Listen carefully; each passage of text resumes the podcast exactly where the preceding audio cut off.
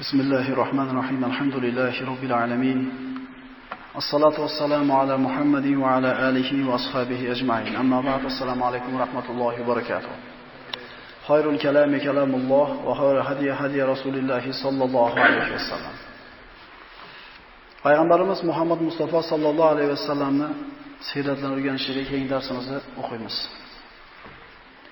Masjid qurilishligi boshlandi. Payg'ambarimiz sallallohu alayhi vasallam Madinaga kelib birinchi qilgan ishlari Masjidan Nabaviyni qurishni boshladilar. Sahobalar juda ko'pchiligi kelib payg'ambarimiz sallallohu alayhi vasallamni o'zlarini uyiga olib borishlikni xohlashdi. Vaqtincha yashab turgani payg'ambarimiz sallallohu alayhi vasallam uchun uy kerak edi. Endi qaysi baxtli sahobaki Rasulullohni o'zini uyiga qo'shni qilib olib kirib ketadi. Payg'ambarimiz sallallohu alayhi vasallam Abu Ayyub Ansoriyni uyini ixtiyor qildilar. Chunki ana shu masjid uchun tanlab olingan yerni ro'parasida edi bu hovli. Hamda hovlisi Abu Ayyubni keng edi, ikki qavatli uyi bor edi. Payg'ambarimizga Abu Ayyub yuqoriga ko'tarishlikni, ikkinchi qavatga ko'tarishni taklif qilganida payg'ambarimiz: "Ey Abu Ayyub, bizni ziyorat qilgani ko'p odamlar keladi. Ikkinchi qavatga ko'tarilib tushlikda odamlarga ko'p mashaqqat bo'ladi. Shuning uchun siz yuqoriga chiqing, men pastda bo'lay" dedi. Abo yo'q rozi bo'ldi. Demak, shunday qilib payg'ambarimiz sollallohu alayhi vasallam yuklarni ko'tarib Aboyib uyga olib kirib ketdi.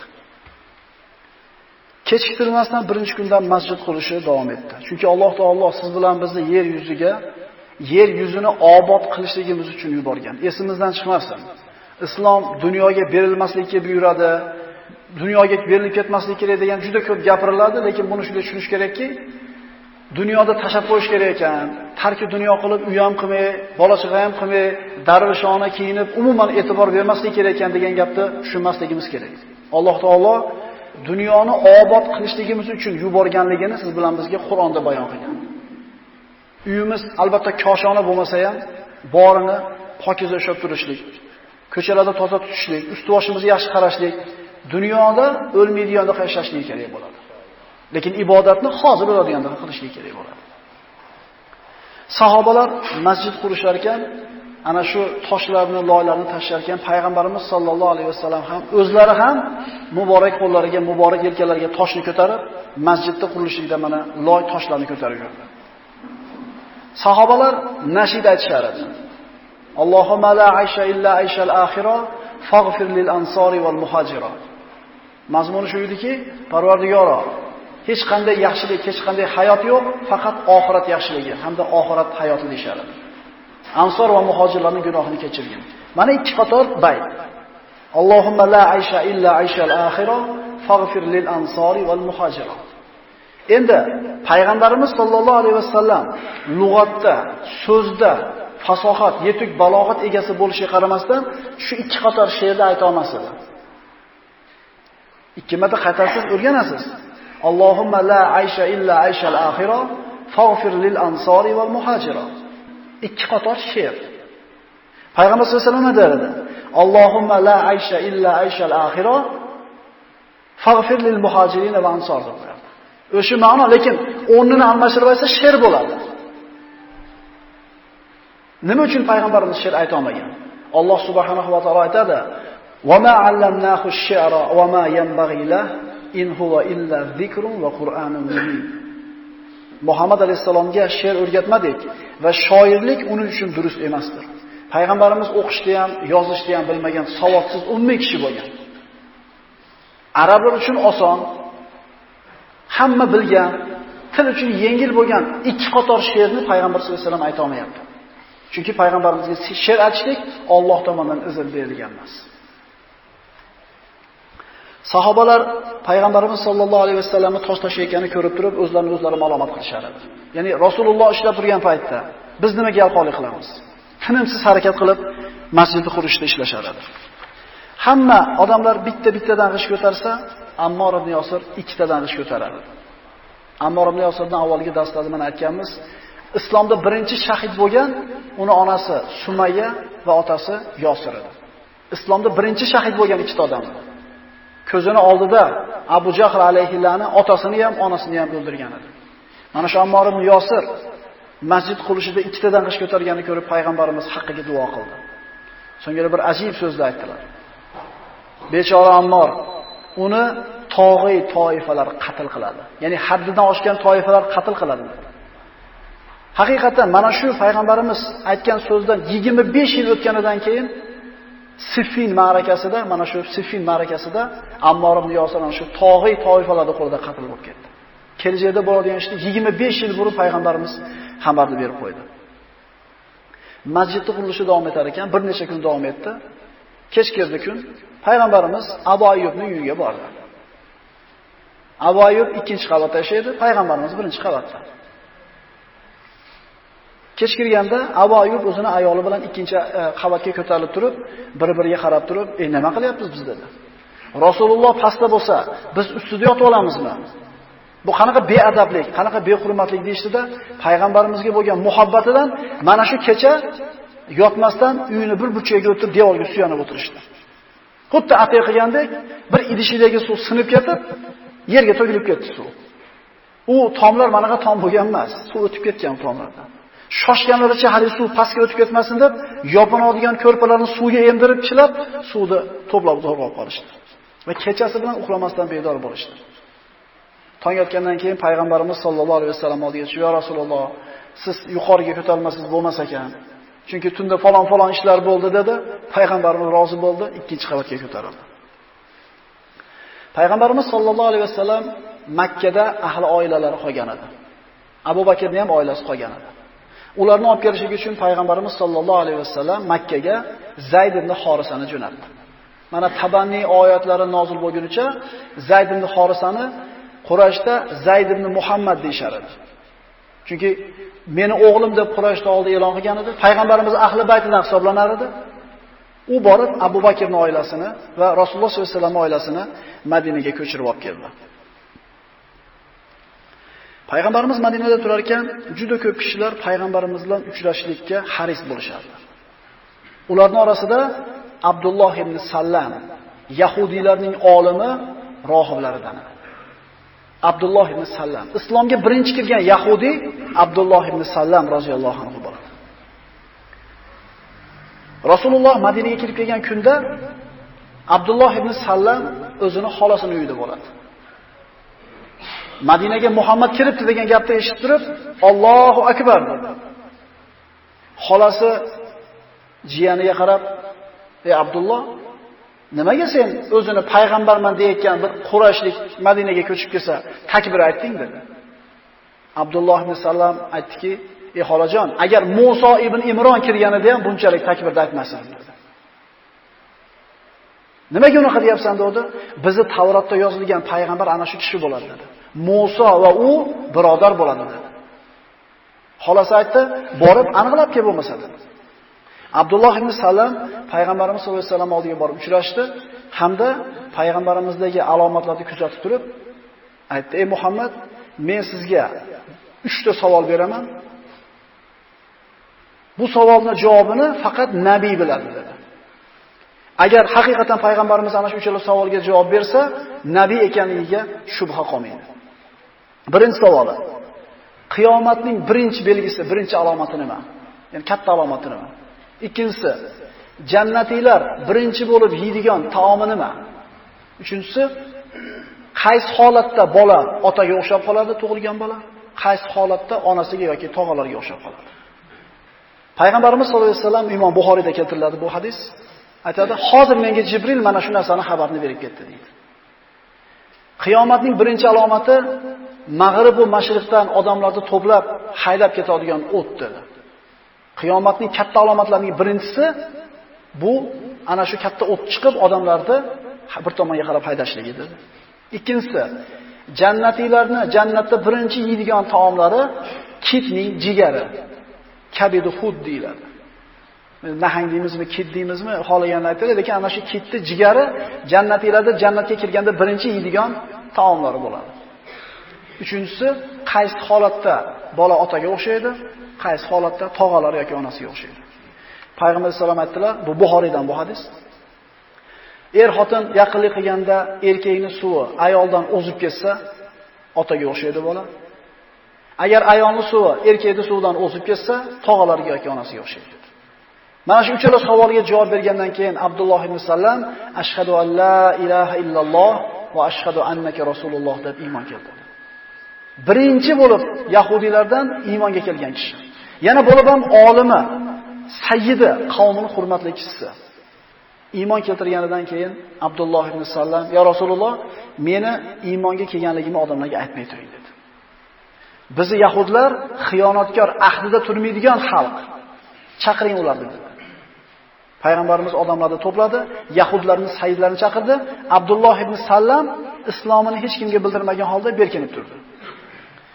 Payg'ambarimiz sollallohu alayhi vasallam yahudlarning sayyidlariga islomni tushuntirib, ularga iymonni taklif qilib, islomga o'tishni ular qabul qilishmadi. Shunda payg'ambarimiz sollallohu alayhi vasallam Abdulloh ibn Sallam oranglarda qanaqa odam? Ular aytishdi, sayyidimiz, sayyidimizning bolasi, olimimiz, olimimizning bolasi, eng hurmatli, obro'li kishilarimizdan. Rasululloh agar Abdulloh ibn Sallam iymon keltirsa nima qilasizlar deganida, Alloh saqlasin uni. Bu hech qachon iymon keltirmaydi dedi. Deganida Abdulloh ibn Sallam berkingan joydan chiqdi aytdiki, men Allohdan o'zga iloh yo'q va Muhammad uning rasul ekanligiga guvohlik beraman dedi. Odamlarning oldida yahudlarning ziyoniga hujjat. Hozir aytib turishuvdi. Sayyidimiz, olimimiz, hurmatli kishimiz. Abdulloh ibn Sallam iymon keltirdim deyishiga haligi gapni gapirganlar bu bizni johilimiz, ahmog'imiz, tentagimiz, tentakni bolasi deb turib, hozir gapini teskari tomonga yubordi. Chunki holat ularning manfaatiga yurmayotganligini ko'rganidan keyin darrov gaplardan qaytishdi. Bu yahudlarning tabiati. Ular ahdida hech qachon turmaydi.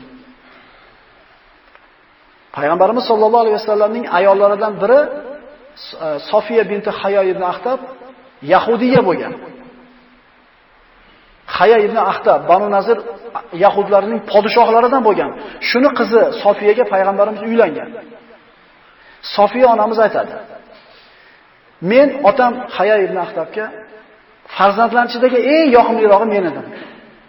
Xuddi shunday amakim Yosir ham meni rosa yaxshi ko'rardi. Qachon ko'chadan kelsa, yugurib oldiga chiqsam, yerdan ko'tarib, bag'riga bosib bir erkalatardi. Boshqa bolalardan boshqacha ko'rardi meni. Payg'ambarimiz sollallohu alayhi vasallam Madinaga kirgan kunda deydi. Kichkinagina qizcha edim. Otam bilan amakim Yosir bir g'amga, bir qayg'uga botgan holda kirib kelishdi uyimizga dedi. Odatiga ko'ra yugurib borib meni ko'taradi desa, menga qarab ham qo'yishmadi deydi. Bir narsa bilan bandligidan, ovoraligidan.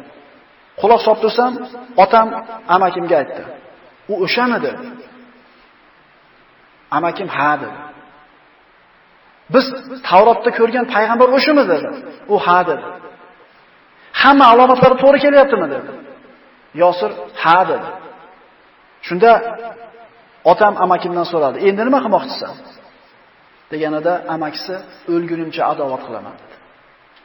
Ya'ni payg'ambarimizning haq payg'ambarligini Tavrotda, Injilda aytilgan alomatlarda hammasini borligini ko'rib turib ham yahudlar haqni bilib turib inkor qilishgan. Shuning uchun g'oyiril mag'zubi alayhim valaddallin deb hadon o'qiganimizda ikki toifani zikr qilamiz. Parvardigori bizlarni to'g'ri yo'linga boshlagin. Bu yo'l seni g'azabingga uchragan yahudlarning yo'li bo'lmasin, hamda zalolatga botib ketgan nasroniylar yo'li bo'lmasin. Yahudlar bilib turib inkor qilishgan. Shuning uchun Alloh taolaning ularga la'nati bo'ldi. Payg'ambarimiz Madinaga ko'chib keldi. Madinani hukmi payg'ambarimizning qo'liga o'tdi. Bir qancha hukmlarni payg'ambarimiz e'lon qildi. Mana Madina dasturida mashhur bo'lgan tarixda bu hukmlar bir qancha bir bandlar bor, ba'zilarini gaplashgan bo'lamiz. Birinchisi, muhojir va ansorlarni payg'ambarimiz sollallohu alayhi vasallam birodar tutuntirdi. Ma'lum bir kishilarni ma'lum bir kishilar bilan umum xosatan birodar qildi, umuman birodarchilikka buyurdi. Sayyid ibn Rubayy roziyallohu anhu Abdurrahmon ibn Avfni birodar qilib tanladi o'ziga. Shunda Sayyid ibn Rubayy Abdurrahmonni o'zining uyiga olib borib, "Ey Abdurrahmon" dedi, "Menda nima bo'lsa, yarmi sizniki" dedi. Nima bo'lsa, yarmi sizniki dedi. Endi Abdurrahmon ibn Avf mana shu narsa uchun hijrat qilib kelganmidi? U muhojirlar dinini saqlash uchun hijrat qilgan edi. Dunyoni ko'zlab emas. Hijrat qachon hijrat bo'ladi? o'zini yurtida dinini, aqidasini, rukunlarini, amallarini bajarishlikda imkoniyati bo'lmay qolgan paytda shunda hijrat qilingan edi. Abdurrahmon ibn Af Alloh va Rasuli deb kelgan edi hijrat qilib, dunyo demagan edi. Agar dunyo deb kelganida Sayyid ibn Rubayyi nima bo'lsa yarimi sizga degan edi. Boy odam edi bu odam. Abdurrahmon ibn Af molingizga, joningizga Alloh barakot bersin. Menga bozorni ko'rsatib qo'ying dedi. Musulmon odam boshqa birovning yelkasidagi yuk bo'lib yashashligi kerak emas. Abdurrahmon tijorat kishisi edi. Payg'ambar sollallohu alayhi vasallam aytadilar, agar Abdurrahmon tuproq sotsa deydi, albatta foyda qiladi deydi. Abdurrahmon ibn Auf bir tiyinsiz kelgan Madinaga, lekin rizq birodalar Allohdan. Berganda olib boyib ketsa, ha oluvdi-da ine boyib ketdi shu pul bilan deyish mumkin edi. Endi omovdi ham boyib ketdi. Bilasizlarmi, Abdurrahmon ibn Auf o'lganda 8 million dinor meros qolgan. 8 million dinor. Rizq Allohdan. Alloh yozgandan oshiqcha ham bo'lmaydi, kam ham bo'lmaydi. Agar meros qolsa, ansorlar muhojirlarga qarindoshlaridan buniroq ana shu payg'ambarimiz birodar tushuntirib qo'yganlarga berishar edi. Oshib qolsa yana qarindoshlarga berardi. Hatto tug'ishgan qarindoshlaridan ko'ra meros berishlikda muhojirlar ustun ko'rishar edi. Bu holat to Anfal surasining 75-oyati nozil bo'lguncha muhojirlarda meros olishligi ansonlarda qarindoshlardan ko'ra baland turdi. Endi qachoniki qarindoshlaringlar boshqalardan ko'ra merosda haqliroq degan oyat nozil bo'lgandan keyin o'zlarini qarindoshlariga birinchi o'rinda meros berishadigan bo'ldi. Ikkinchi qilgan payg'ambarimiz hukmlaridan Madinada yashaydigan musulmonlar Madina ahli hech qaysisi Madinadan tashqari bo'lgan kishilar bilan hech qanday ahdga, kelishuvga, ittifoqqa bormaydi. Madina nomidan faqat payg'ambarimiz gapiradi. Ya'ni payg'ambarimiz hukm yurgizyapti. Hech kim hech kim bilan dogovor, hech qanaqa ittifoq tuzmaydi. Faqat payg'ambarimiz tuzadi. Keyingi chiqargan hukmlaridan kimda kimni haqqi bo'lsa, bu haqni undirishlik islom orqali bo'ladi. Islom qonuni bilan bo'ladi. Keyingisi Qurayshdan hech qaysi bir kishiga Madinada himoya berilmaydi. Ya'ni bu bilan payg'ambarimiz Qurayshga urush e'lon qilgan edi. Qurashdan kelgan odam kim bo'lishidan qat'i nazar, Madinadagi himoya beraman degan odam kim bo'lishidan qat'i nazar himoyasi tan olinmaydi. Shunday qilib payg'ambarimiz Madina ishlarini tartibga keltirdi. Shu vaqt ichida ansonlarning sayyidlaridan Asad ibn Zurora vafot etdi. Uyda birinchi marta juma namozi o'qilgan Asad ibn Zurora. Shu kunga kelib payg'ambarimizni Madinaga ko'chib kelganiga 4 oy bo'lgan edi. Yana bir ajib e'tiborimizni qaratadigan narsa shuki, shu 4 oy ichida musulmonlarda o'g'il farzand tug'ilmay qo'ydi. Tug'ilgan bola yo qiz bola bo'ladi, yoki o'g'il bola tug'ilsa o'lib qoladi. 4 oygacha.